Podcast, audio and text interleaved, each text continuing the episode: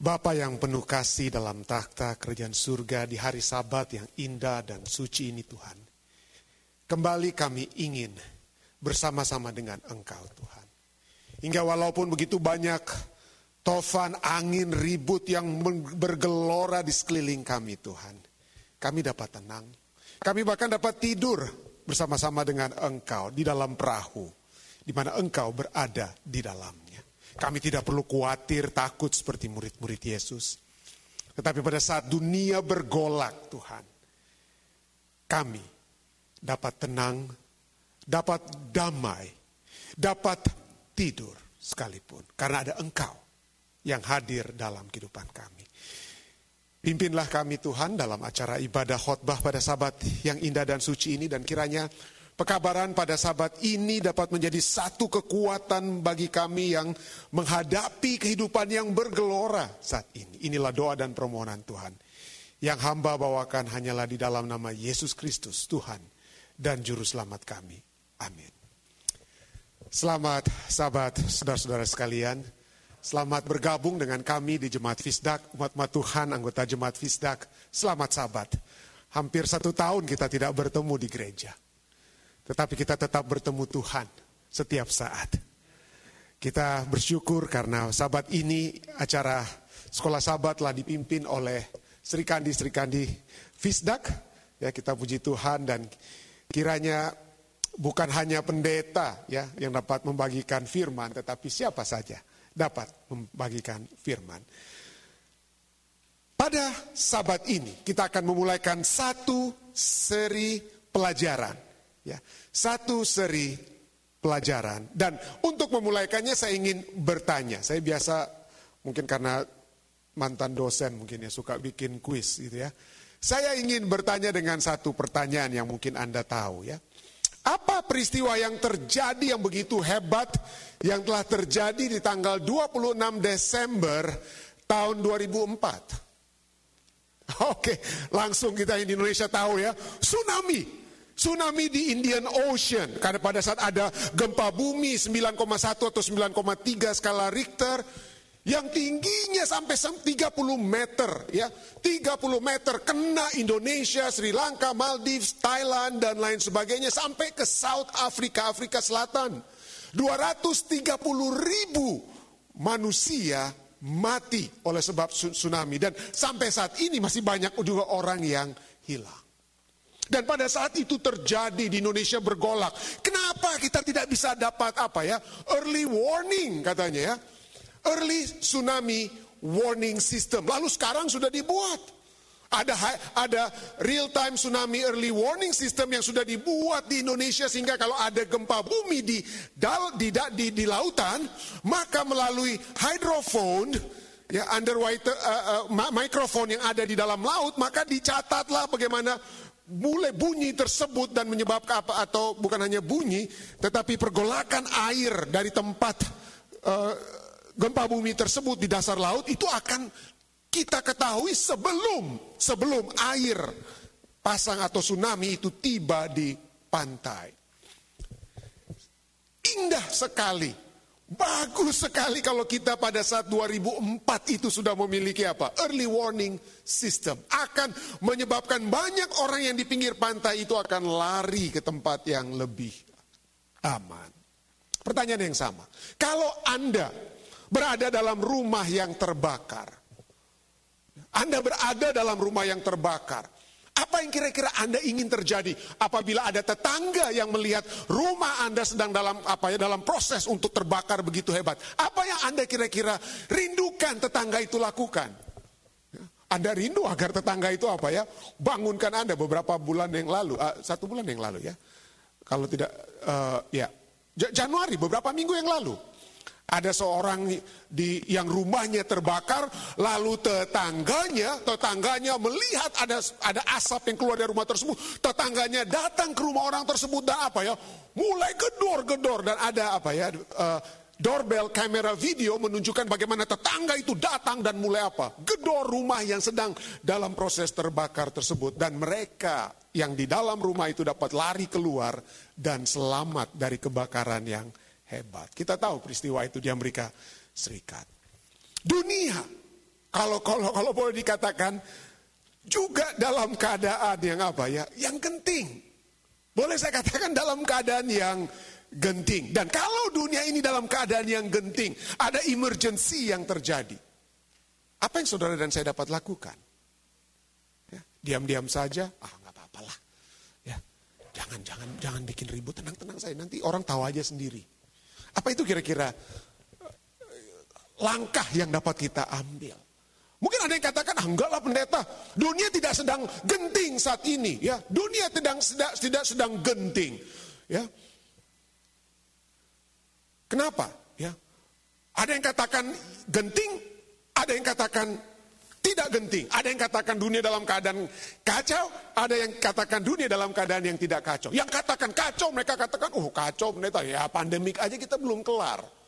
Apalagi ada varian-varian baru dari COVID-19 yang muncul dari Afrika Selatan, yang muncul dari England, yang muncul dari Brazil. Semuanya itu seakan-akan walaupun sudah ada vaksin, katanya ada vaksin-vaksin yang tidak bisa apa mengobati varian-varian yang apa atau mencegah varian-varian yang baru. Jadi memang doomed. The world is on fire karena pandemik ini. Dan bukan hanya karena pandemik ini saja, masalah kesehatan saja, tetapi masalah ekonomi. Kita tahu statistik demi statistik, bagaimana unemployment di tahun 2019 itu begitu berbeda dengan unemployment di tahun 2020. Banyak yang sedang tidak mendapatkan apa? Pekerjaan. Dan bukan itu saja. Ya, stres. Orang-orang berada dalam rumah itu stres. Saudara-saudara, psychological impact keluarga-keluarga yang yang yang biasanya tiap tahun mungkin dia bisa berlibur, ada refreshing keluar ke tempat lain, tetapi begitu ada uh, uh lockdown tidak bisa keluar, aduh jadi stres. Ada psychological and social impact dari COVID-19. Masalah kesehatan, masalah ekonomi, masalah mental, psikologis, psychological dan juga sosial. Tidak heran demonstrasi-demonstrasi tentang equal justice ya, keadilan uh, sosial di Amerika Serikat itu begitu hebat juga terjadi pada saat apa? Pandemik ini.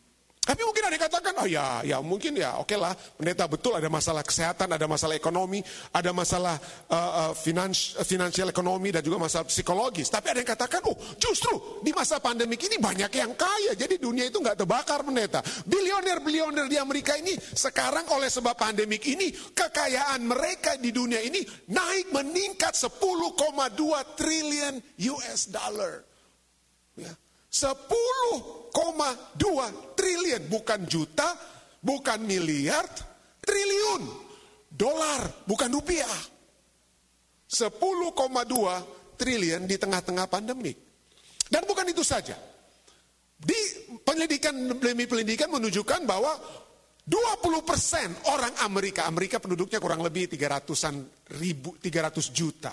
Tapi 20 persen penduduk Amerika Ya, satu dari lima kekayaannya meningkat. Kurang lebih 60 juta orang Amerika yang walaupun di tengah-tengah pandemik 60 juta orang Amerika ini apa? Kekayaannya meningkat. Stock market naik dan lain sebagainya. Jadi ada yang katakan, enggak, ada yang sedang merasa bahwa dunia ini bagus-bagus sekali saat ini. Tetapi hanya sedikit. Ya, hanya sedikit dan hanya 60 juta orang Amerika yang keuangannya, finansialnya itu meningkat. Tetapi ada 160 juta orang Amerika yang ke, masuk ke dalam apa ya kemiskinan yang lebih daripada tahun-tahun sebelumnya. Apa akibatnya? Sahabat depan kita akan lihat khususnya tentang Amerika ya. Jadi banyak yang katakan bahwa dunia berada dalam kacau, tapi ada juga yang katakan dunia aman-aman saja. Dan Alkitab sudah katakan pada saat kita berkata bahwa dunia aman-aman saja. Satu Tesalonika 5 ayat 3 katakan apa? Apabila mereka mengatakan semuanya damai dan aman, peace and safety. Maka tiba-tiba mereka ditimpa oleh kebinasaan seperti seorang perempuan yang hamil ditimpa oleh sakit bersalin. Mereka pasti tidak akan luput. Tiba-tiba sakit. Pada saat mereka merasa aman, damai, kebinasaan datang. Ayat berikutnya, ayat 4 sampai 6. Tetapi kamu kepada umat Tuhan. Raja, Rasul Paulus pada jemaat di Tesalonika. Orang-orang lain katakan damai, aman. Tetapi kamu saudara-saudara ayat 4. 1 Tesalonika 5 ayat 4. Kamu tidak hidup dalam kegelapan. Artinya kamu bukan kamu, kamu tidak bukan orang-orang yang tidak tahu, tapi kamu adalah orang yang tahu. Kamu tidak hidup dalam kegelapan sehingga hari itu tiba-tiba mendatangi kamu seperti pencuri. Karena kamu semua adalah anak-anak terang. Sebab itu baiklah jangan kita tidur seperti orang-orang lain tetapi berjaga-jaga dan sadar. Karena Allah tidak menetapkan kita untuk ditimpa murka. Tetapi untuk beroleh keselamatan oleh Yesus Kristus Tuhan kita. Kita bukan berada dalam kegelapan. Kita tahu apa yang terjadi. Ya.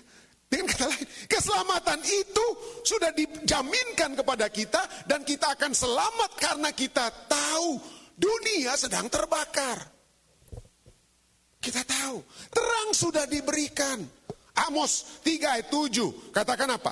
Tuhan sudah menyatakan keputusannya. Dia tidak berbuat sesuatu tanpa menyatakan keputusannya kepada hamba-hambanya para nabi. Sehingga pada saat Yesus pelajaran sahabat kita yang kita sudah beberapa kali katakan ya.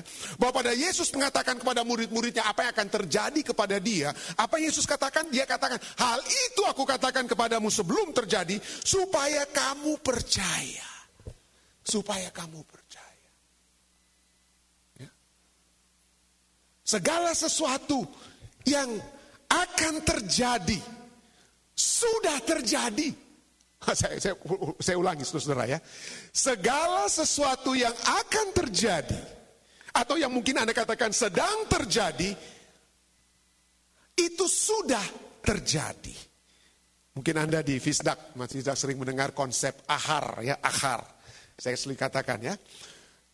Konsep masa depan, masa depan bagi orang Ibrani konsep ahar atau masa depan itu ahar itu konsep masa depan bahwa mas itu arti literalnya arti, literal daripada ahar adalah after the following part atau behind a place atau afterward of time. Jadi segala sesuatu yang akan terjadi itu adalah sesuatu yang sudah apa?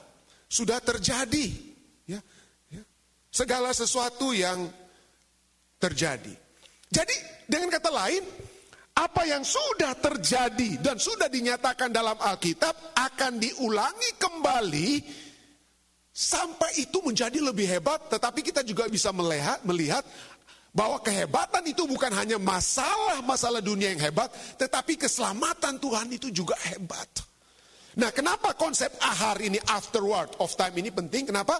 Karena coba kita lihat. Konsep yang pertama adalah bahwa di sini katakan in the Hebrew sense of reality. Not the past, but the future comes behind. The future itu masa depan itu yang paling belakang. Kok bisa masa depan yang paling belakang? Kenapa?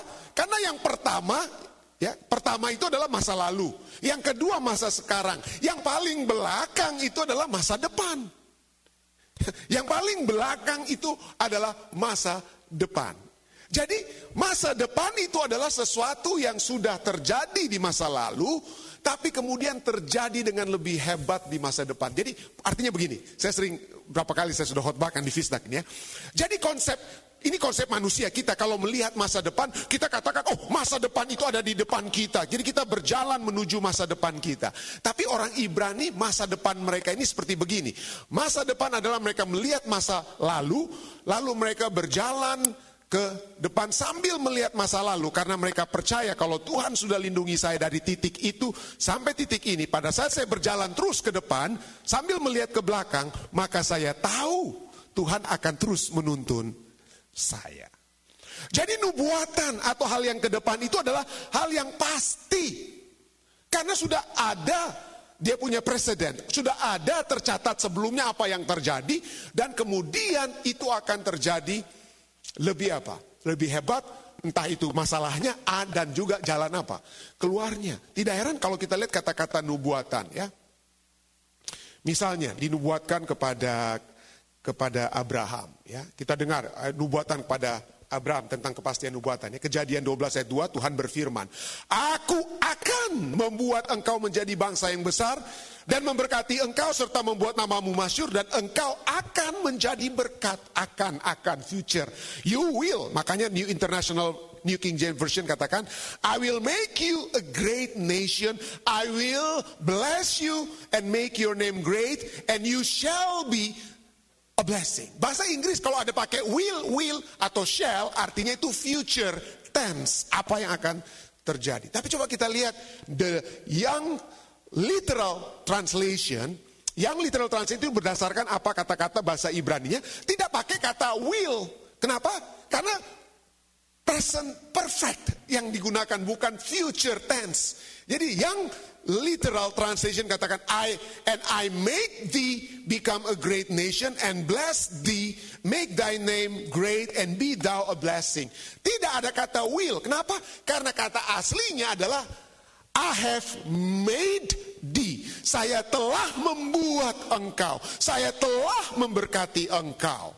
Jadi pada saat Tuhan berfirman, dia tidak guna kata, dia tidak gunakan future tense, I will, akan, tetapi aku telah. Kenapa? Karena firman Tuhan itu pasti. Firman Tuhan itu bukan ramalan yang aduh mudah-mudahan jadi ya. Mudah-mudahan jadi. Tidak. Firman Tuhan itu pasti sampai waktu Tuhan ucapkan kepada Abraham, aku telah membuat bang engkau menjadi bangsa yang besar walaupun dia belum ada anak. Tidak heran, tidak heran. Ya, Wahyu 14 ayat 8 berbicara tentang apa? Kejatuhan Babylon. Tetapi kejatuhan Babylon dalam Wahyu 14 ayat 8 ini belum terjadi. Itu baru nubuatan. Tapi coba kita lihat kata-kata yang Tuhan gunakan. Apa yang dikatakan dalam Wahyu 14 ayat 8? Dan seorang malaikat lain, malaikat kedua menyusul dia dan berkata, sudah rubuh, sudah rubuh Babel, kota besar itu yang telah memabukkan segala bangsa dengan anggar, dengan anggur hawa nafsu cabulnya. Saat ini, detik ini Babel itu belum jatuh, saudara-saudara. Ya, belum jatuh betul-betul, tapi Alkitab sudah katakan, sudah rubuh. Kenapa? Karena pasti, pasti dia akan jatuh.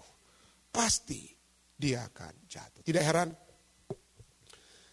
banyak penulis uh, apa teolog-teolog juga menggunakan statement yang dibuat oleh William Shakespeare ya.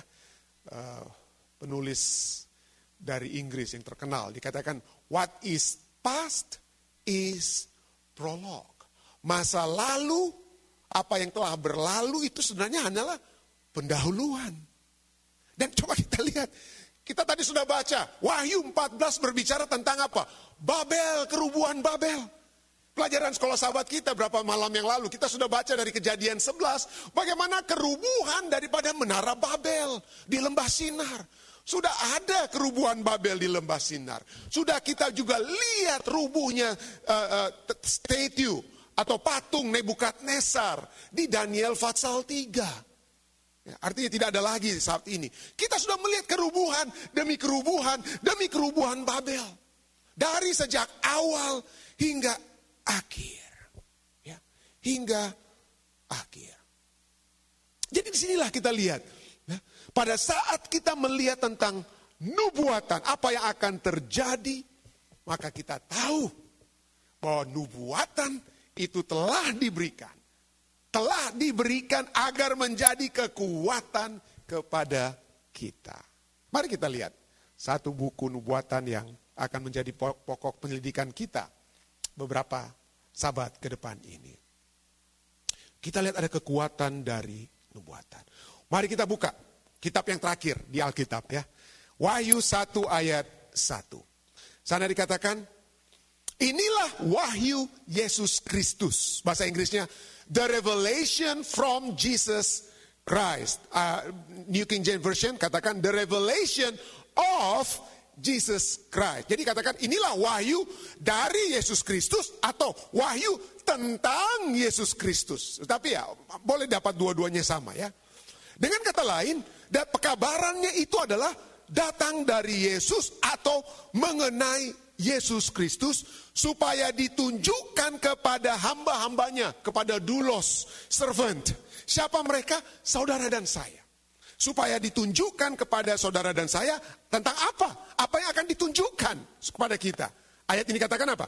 Inilah wahyu Yesus Kristus yang dikaruniakan Allah kepadanya supaya ditunjukkannya kepada hamba-hambanya apa yang harus terjadi. Jadi Kalau Anda ingin tahu, ada sering bertanya, pendeta kira-kira ini akhirnya, akhir pandemik ini bagaimana? Akhir ini bagaimana? Akhir dunia ini bagaimana? Jangan tanya saja hanya kepada pendeta atau kepada saya ya. Buka kitab wahyu, kita akan tahu apa yang akan terjadi. Apa yang harus segera terjadi dan oleh malaikatnya yang diutusnya ia telah menyatakan kepada hambanya Yohanes. Jadi ini mulai dari Allah Bapa diberikan kepada Yesus Kristus, lalu kemudian dari Yesus Kristus disampaikan apa? Melalui malaikatnya ya. Malaikatnya Yesus Kristus. Siapa ini malaikatnya Yesus Kristus? Kitab Daniel menyatakan tentang malaikatnya Yesus Kristus atau yang pengawal pribadi bodyguard pribadinya Yesus Kristus yaitu siapa? Gabriel ya kepada Gabriel, kepada hambanya Yohanes. Yohanes kekasih yang kalau kita baca dalam dalam Wahyu 1 ayat 9, dia sedang berada dalam pembuangan di Pulau Patmos. Di penjara di Pulau Patmos. Karena Kaisar saat itu Domitian yang telah memenjarakan dia. Dalam keadaan menderita. Ingin tahu Tuhan kira-kira akhir daripada semua penderitaan saya, penderitaan dunia ini. Apa kira-kira akhirnya? Ya, apa kira-kira akhir daripada semua penderitaan ini. Jadi pada saat itu sedang berada dalam pikiran benak Yohanes di Pulau Patmos, Tuhan nyatakan, Tuhan reveal pertanyaannya. Ini poin yang pertama yang penting. Apa yang dinyatakan dari kitab nubuatan ini? Apa poin pertama yang dapat kita lihat dari kitab wahyu nubuatan? Apa yang dinyatakan? Ya. Apa yang dinyatakan? Nah sering kali film-film Hollywood, film-film horor Hollywood, kalau ingin membuat misteri-misteri tentang setan-setan kiri kanan dan lain sebagainya dilakukan setan, di mana ayat-ayat yang biasanya mereka gunakan?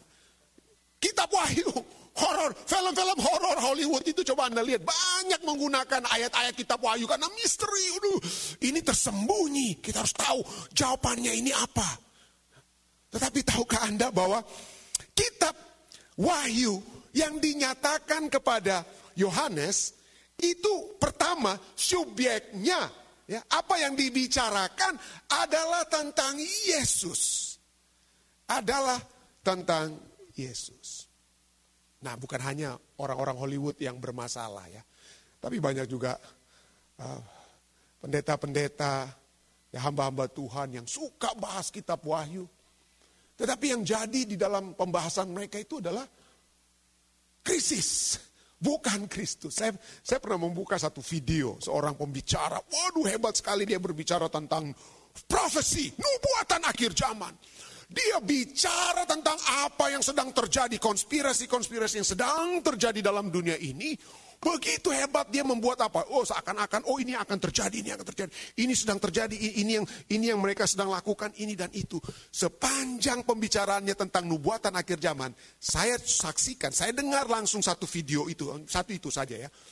Tidak ada kata Kristus yang muncul. Yang kami lihat, yang saya lihat saat itu adalah krisis. Tetapi nubuatan atau wahyu itu, itu subjeknya itu adalah Kristus. Kristus yang bagaimana, apa yang Kristus akan lakukan? Mari kita baca ayat 2 dan 3 yang telah diberikan melalui Gabriel kepada Yohanes. Yohanes telah bersaksi tentang firman Allah, tentang kesaksian yang diberikan oleh Yesus Kristus, yaitu segala sesuatu yang telah dilihatnya dilihat oleh Yohanes. Lalu di sini kita lihat ayat 3. Subjeknya Yesus Kristus, tujuannya apa? Supaya Anda takut, supaya Anda serem, gentar. Ayat 3, berbahagialah ia yang membacakan dan mereka yang mendengarkan kata-kata nubuat ini. Pada saat saya kita akan memulai seri nubuatan ini, saya tidak mengajak Anda untuk menjadi takut dan gentar. Tapi saya mengajak Anda untuk melihat Yesus dan berbahagia. Dan berbahagia. Berbahagialah ia yang membaca. Bukan saya yang bilang, karena ini firman Tuhan katakan. Berbahagialah ia yang membacakan dan mereka yang mendengarkan kata-kata nubuat ini. Dan yang menuruti apa yang tertulis dalamnya sebab waktunya sudah dekat. Waktunya sudah dekat. Ya. Nah siapa yang paling berbahagia? Ada orang katakan, oh kitab kitab Wahyu itu pertama-tama ditujukan hanya untuk orang-orang di zaman Yohanes kekasih waktu dia di Pulau Patmos. Jadi itu suratannya kepada orang-orang sekitar. Oke, mungkin mereka dapat dikuatkan dengan apa yang yang, yang Tuhan dapat lakukan, tetapi tahukah Anda, siapa yang paling berbahagia? Yang paling berbahagia untuk membaca, mendengarkan, menuruti kata-kata nubuatan ini adalah saudara dan saya. Saudara dan saya. Kenapa?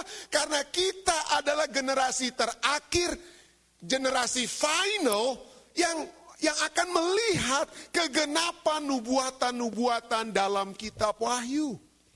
Ya, pada saat Yohanes menulis ini, mendapat penglihatan, 1260 hari atau uh, nubuatan tentang 1260 tahun sudah jadi belum? Belum. Apakah dia sudah melihat bagaimana tanduk yang terlu, tanduk kecil yang terluka kemudian sembuh? Belum. Terlukanya pun belum, apalagi sembuhnya. Belum.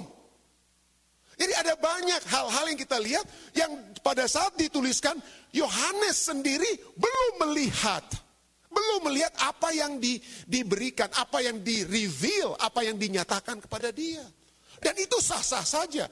Daniel, dalam Daniel Fatsal 12, dia dikatakan Tuhan beritakan tut apa ya? Seal. Meteraikan kitab ini. Nanti baru dibuka baru diketahui pada saat pengetahuan bertambah tentang kitab Daniel. Jadi ada hal-hal yang Daniel tulis yang dia tidak mengerti. Tapi kita sekarang sudah melihat apa yang Daniel tulis. Kita sekarang sudah melihat kegenapan dari apa yang yang apa? Yang Yohanes tulis. Dan yang ada di depan kita itu nggak banyak saudara-saudara yang ada di depan kita itu hanya apa? Seribu, akhir dari 1260 tahun nanti kita akan pelajari itu ya. Itu sudah lewat. Yang hanya di depan kita itu tinggal boleh dikatakan ya kasarnya cuma dua, tujuh kutuk terakhir dan kedatangan Yesus. Jadi nubuatan wahyu itu untuk saudara dan saya saat ini. Karena kita sudah berada di penghujung dunia ini. Berbahagia Berbahagia yang apa ya? Yang membacakan dan yang mendengarkan kata-kata nubuat ini. Yang menuruti apa yang tertulis dalamnya. Sebab waktunya sudah dekat. Waktunya sudah dekat. Sudah dinyatakan subjeknya adalah Kristus. Tapi poin kedua yang dapat kita lihat bahwa pada saat nubuatan itu diberikan, itu untuk menyatakan bahwa kita akan memiliki kemenangan. Kemenangan dalam peperangan. Kemenangan dalam peperangan. Kenapa kita perlu kekuatan? Karena akan ada peperangan. Kenapa kita perlu mengetahui tentang peperangan tersebut? Karena peperangan itu real. Kenapa kita perlu untuk mendengarkan tentang peperangan itu supaya kita tahu bagaimana caranya kita menang. Itulah kekuatan dari nubuatan itu. Itulah. Nah, di mana itu peperangan itu? Nah, kita masuk ke dua poin. Yang poin yang pertama yang penting untuk kita ingat. Anda bisa lupa apa saja yang saya katakan. Tapi yang pertama, bahwa subjek apa yang dibicarakan dalam kitab Wahyu itu bukan tentang kengerian ini dan itu betul. Yang ngeri-ngeri itu ada, ada. Tetapi yang utama adalah Yesus Kristus. Yang kedua, mari kita lihat. Ya. Wahyu 12 ayat 7 sampai 9. Wahyu 12 ayat 7 sampai 9 berbicara tentang apa? Maka timbullah peperangan di surga. Wah. Timbullah peperangan di mana? Di surga. Sebelum ada peperangan dalam rumah tangga saudara dan saya, sudah ada peperangan di surga. Sebelum ada peperangan di tempat bekerja Anda, antara Anda dan teman bekerja, antara Anda dan bos, antara saya dan bos saya, sudah ada peperangan di surga. Sebelum terjadi peperangan di gereja, sekalipun, sudah ada peperangan terlebih dahulu yang terjadi di surga. Mikael, ayat selanjutnya katakan, Mikael dan malaikat-malaikatnya berperang melawan naga itu, dan naga itu dibantu oleh apa? Malaikat-malaikatnya. Tetapi mereka tidak dapat bertahan, mereka tidak mendapat tempat di surga. Sepertiga dari malaikat surga akan, dan kita akan pelajari juga ya. Sepertiga malaikat surga mengikuti siapa? Sang naga. Ya, saya katakan sang naga lebih gampang karena saya banyak sahabat yang yang apa ya famnya si naga ya. Jadi jadi pakai saja sang naga mungkin ya. Jadi sepertiga malaikat surga mengikuti sang naga. Mengikuti sang naga. Ada orang katakan, pendeta, gimana ya? Ada anak-anak anak-anak saya ini pendeta, duh udah jauh lari dari Tuhan, kenapa ya? ya. Saya katakan, ya Tuhan juga mengerti. Tuhan mengerti perasaan Anda. Kenapa? Karena di dalam kerajaan surga ada orang tua yang kehilangan sepertiga anggota keluarganya. Ya. Yesus berbicara tentang anak yang terhilang. Itu salah Bapak? Tidak. Kadang-kadang anak-anak itu yang memilih untuk berpisah dari Bapa. Ya. Yang berpisah dari Bapa. Kita sadar bahwa ada pilihan-pilihan yang telah dibuat oleh anak. Walaupun kita sudah mungkin berusaha sempurna, tentu saja ada orang tua yang nggak benar ya. Eh, kita juga mungkin perlu dibenarkan sebagai dalam mendidik anak-anak kita. Tetapi jangan juga terlalu keras dalam diri kita. Karena ada pilihan-pilihan yang harus dibuat oleh anggota keluarga kita. Sepertiga anggota keluarga surga hilang. Hilang. Mereka tidak dapat bertahan, mereka tidak mendapat tempat lagi di sorga. Ayat 9. Dan naga besar itu si ular tua yang disebut iblis atau setan yang menyesatkan seluruh dunia dilemparkan ke bawah. Ia dilemparkan ke bumi bersama-sama dengan malaikatnya. Naga besar, drakon bahasa Grikanya. Drakon, makanya ada kata dragon, naga, ya dragon, karena dari Grika drakon. Ular tua, sering saya suka katakan, Ya saya sudah ulang-ulangi karena di kejadian dua dia masih muda, tapi di kitab Wahyu dia sudah apa? Jadi tua, ahli, ahli dalam hal apa dia? Kenapa dia sampai tua-tua? Jadi ular tua-tua keladi. Kenapa? Karena sudah ribuan tahun dia jago, saudara. Dia jago untuk apa? Mari kita lihat. Jago apa namanya dia? Dikatakan sini.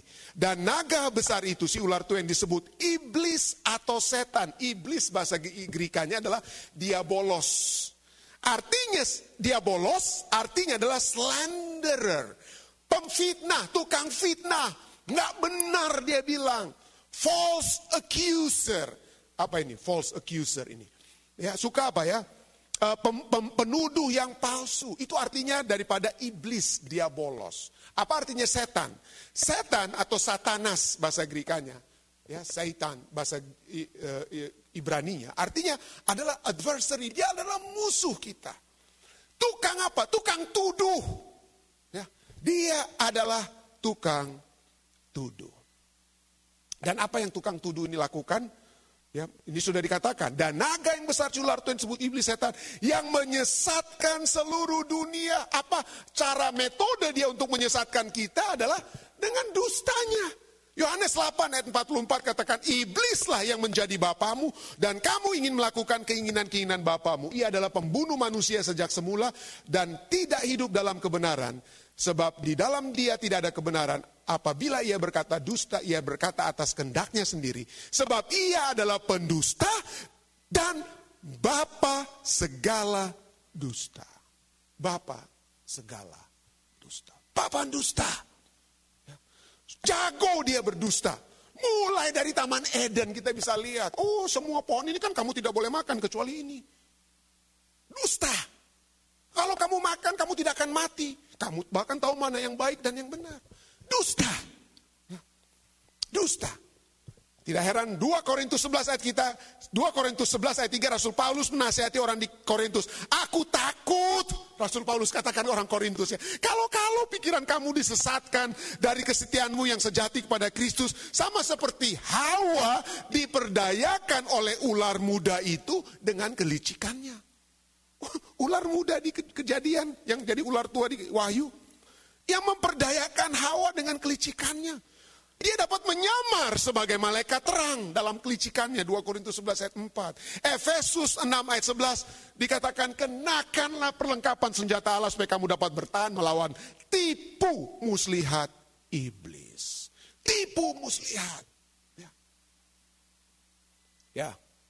Peperangan dimulai di surga. Ya. Peperangan mulai di surga. Mengajak sepertiga malaikat surga mengikuti dia. Peperangan juga terjadi Taman Eden. Intinya siapa yang kita mau dengar, siapa yang kita mau ikut. Hanya ada dua pilihan. Ini firman Tuhan, ini firman si eh, sang naga. Ya, firman Tuhan dan firman sang naga. Yang mana kita mau pilih? Dan begitu liciknya, jago sekali dia di, di, di, di zaman Raja Ahas, seperti pelajaran sekolah sahabat kita. Sang naga berbisik pada raja, eh jangan cobai Tuhan. Ya, nggak usah lah, nggak usah bikin repot Tuhan, kasihan ya, sibuk dia dengan pekerjaan lain. Udah minta bantuan aja tiga Pileser supaya kita kalahkan ini Raja Aram dan Raja Israel. Hebat sekali dia. Siapa yang mau kita apa? Siapa yang mau didengar? Dan dia tawarkan begitu banyak dalam usahanya untuk menyesatkan seluruh dunia. Dia membuat kita harus memilih siapa yang harus kita dengar. Dan peperangan itu terus berjalan dalam rumah tangga kita, dalam pekerjaan kita. Siapa yang akan mengikuti Siapa yang akan menang untuk mendapatkan perhatian anak-anak kita? Firman Tuhan atau games? Siapa? Mungkin bukan hanya anak-anak. Mungkin Anda pikir, oh itu ya anak-anak. Tapi bagaimana dengan kita? Siapa yang mau menang? Untuk mendengarkan firman Tuhan atau memenuhi hawa nafsu kita? Ya. Dalam segala hal yang kita lakukan. Tetapi yang tipu muslihat terbesar. Tipu muslihat membesar yang disebutkan dalam ayat ini adalah dia mendakwa kita siang dan malam. Wahyu 12 ayat 10 ya. Pada saat dia dilemparkan ke bawah, maka dia pendakwa saudara-saudara kita yang mendakwa mereka siang dan malam di hadapan Allah. Setan jago di kitab Ayub kita bisa lihat ya. Datang dia ke Allah, waktu itu dia masih bisa naik ke surga, setan sebelum dia stop diberhentikan untuk naik ke surga. Dia datang menghadap Tuhan. Eh Tuhan bilang, kamu lihat Ayub hambaku ya. Ayub itu menurut karena engkau jaga dia, lindungi. Coba lepaskan lindunganmu. Jadi dari waktu ke waktu setan mempertanyakan motif kita. Saya mengikuti Tuhan karena saya mendapatkan berkat Tuhan. Setan terus mengganggu hati dan pikiran kita. Mendakwa kita siang dan malam. Ada satu pandangan yang menarik yang ditulis oleh Sinclair Ferguson dalam bukunya Devoted to God. Ya, devoted to God. Dia katakan bahwa setan itu jago sekali dalam apa ya? Memeras kita, blackmailing. Jadi sekarang ini ada orang yang, beberapa waktu lalu ada orang yang hak ibu pendeta, istri saya punya email ya. Ibu pendeta punya email, dia katakan, oh saya sudah dapat. Dia betul, dia punya akses ke istri saya punya email. Dia bilang, saya punya password, saya sudah akses email kamu, saya sudah kontrol. Jadi saya tahu semua isi email kamu. Kalau kamu tidak kasih kami uang, saya lupa berapa dia minta ribuan dolar itu ya. Kalau kami, kalau kamu tidak berikan uang kirim kepada kami pakai apa itu nama biasanya mereka minta itu uh, bukan debit card apa itu uh, gift card ya gift card. Maka semua isi emailmu ada hal-hal yang dia padahal nggak ada. Dia bilang ada hal-hal yang sangat pribadi milikmu maka kami akan apa sebar luaskan tentang email tersebut. Wah. Hebat sekali ya. Di blackmail kami. Tapi ya kami gampang saja. Istri saya oke okay, mari kita apa rubah password semua. Ya akhirnya hilang hilang begitu saja. Tapi itulah pemerasan dia dia pikir bahwa kalau kita punya dirt ada kotoran-kotoran kita, hei kalau kamu mau supaya apa? Supaya tidak disebarluaskan, eh turut kami, turut saya. Dan ini yang dikatakan ya. Jadi pada saat setan dikatakan selalu memeras kita. Pada saat kita diam-diam telah berdosa, dikatakan di sini, we have secretly given into sin. Maka yang terjadi apa pada saat kita berdosa? Maka setan membisikkan kepada kita bahwa kita telah gagal. Kita tidak layak. Lalu setan, katakan, eh walaupun kamu berdosa, tapi no, no, no problem, no problem ya. Uh, saya diam-diam, tapi kamu juga diam-diam ya. ya diam-diam. Ya. Secret keep it ya. Tidak ada orang yang tahu, saya saja dan kamu yang tahu. Saya saja dan kamu yang apa? Tahu. Tidak boleh ada yang tahu. Ya. Jangan bilang siapa-siapa, saya saja yang tahu. Apa masalahnya dengan pandangan seperti ini? The result, menurut buku ini katakan, kita takut, kita takut. we are already ashamed, kita sudah merasa malu. But now in addition, we fear what others will think and say. Kita sudah rasa malu dengan dosa-dosa kita. Lalu kita, aduh kalau orang tahu dosa pendeta rantung ini bagaimana ya. Akibatnya apa? The result, we become isolated within ourselves. We feel there is a secret nobody else must know. We fail to deal biblically with our sin. Jadi kita sudah merasa malu, lalu kita simpan, kita oke. Okay. Kita akhirnya terus-terusan dalam dalam apa? masalah tersebut. Tapi kita gagal, we fail to deal biblically with our sin. Kita gagal menangani dosa kita secara apa? Secara alkitabiah.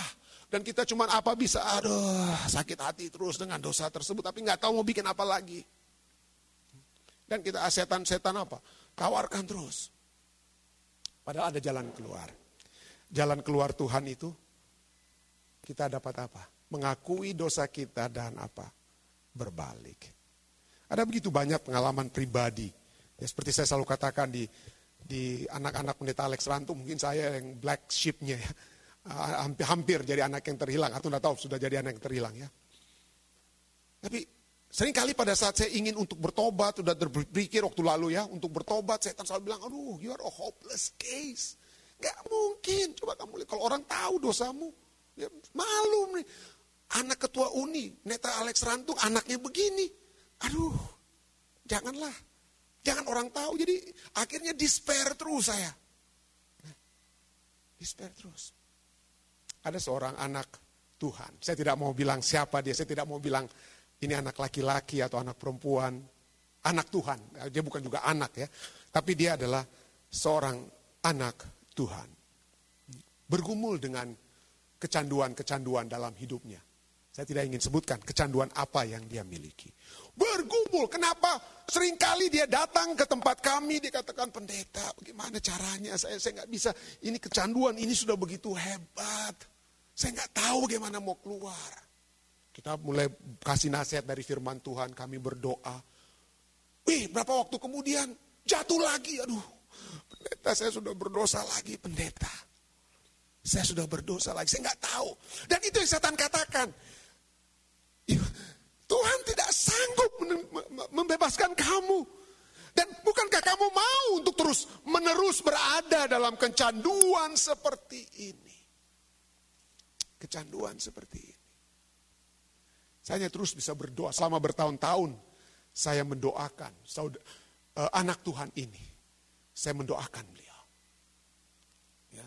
Bertahun-tahun kami tidak sempat berbicara tapi puji Tuhan tanggal, kalau tidak salah tanggal 20, 19 Desember yang lalu, beliau, anak Tuhan ini, anak Tuhan ini kirim teks ke saya. Saya, saya tidak sebut namanya, saya, saya, saya tidak tulis namanya, saya tidak mau ya.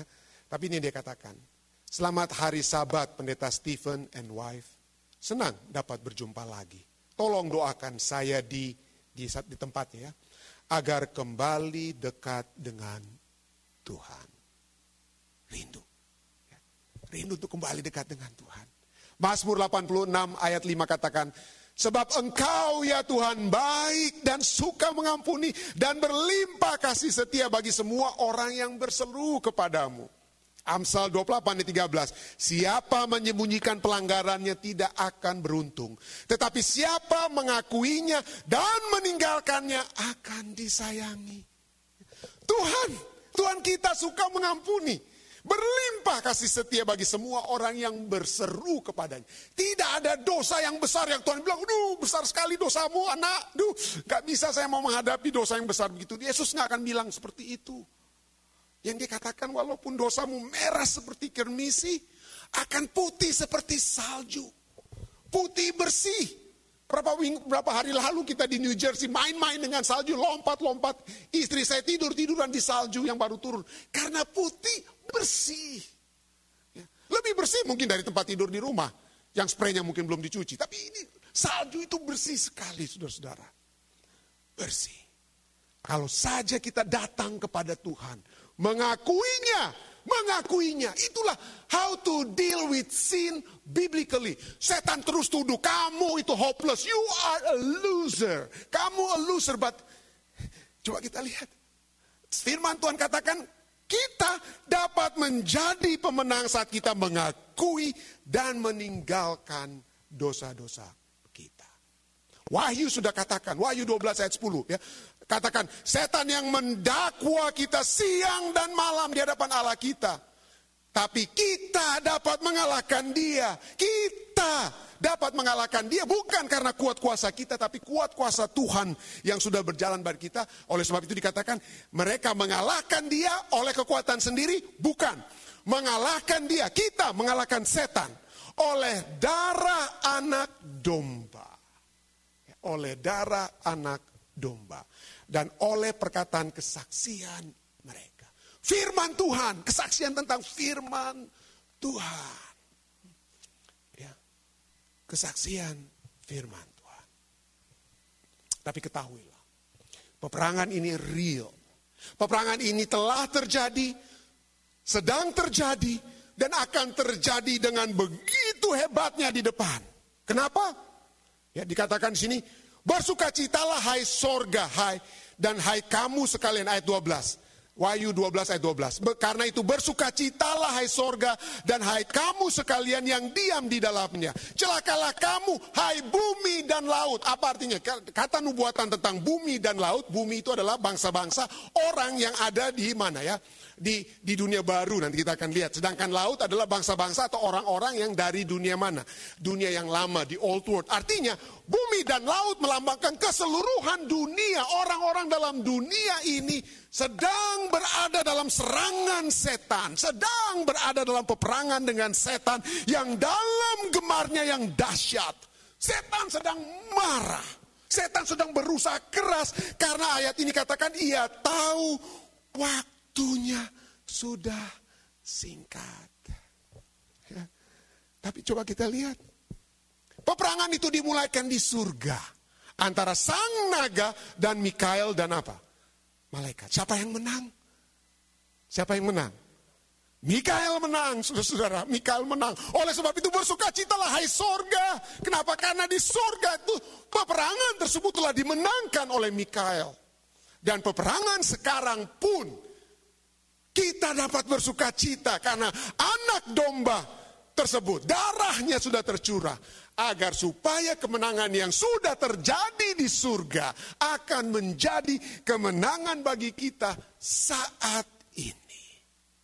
Tidak heran nubuatan diberikan agar kita yakin bahwa apa yang akan terjadi telah terjadi atau sedang terjadi saat ini. Entah itu peperangan sedang terjadi atau kemenangan itu pun dapat terjadi di tengah-tengah peperangan saat Itulah kekuatan dari nubuatan.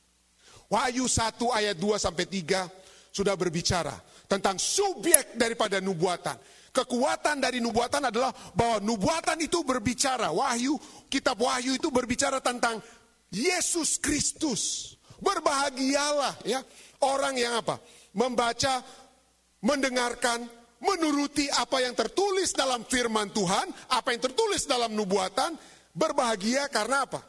Itu menyatakan tentang kemenangan Yesus. Waktunya sudah apa? Dekat. Coba kita lihat, Wahyu 12 ayat 10 sampai 12 juga berbicara tentang Yesus Kristus, yaitu anak darah anak domba. Berbicara tentang firman Allah, tentang ada kesaksian situ.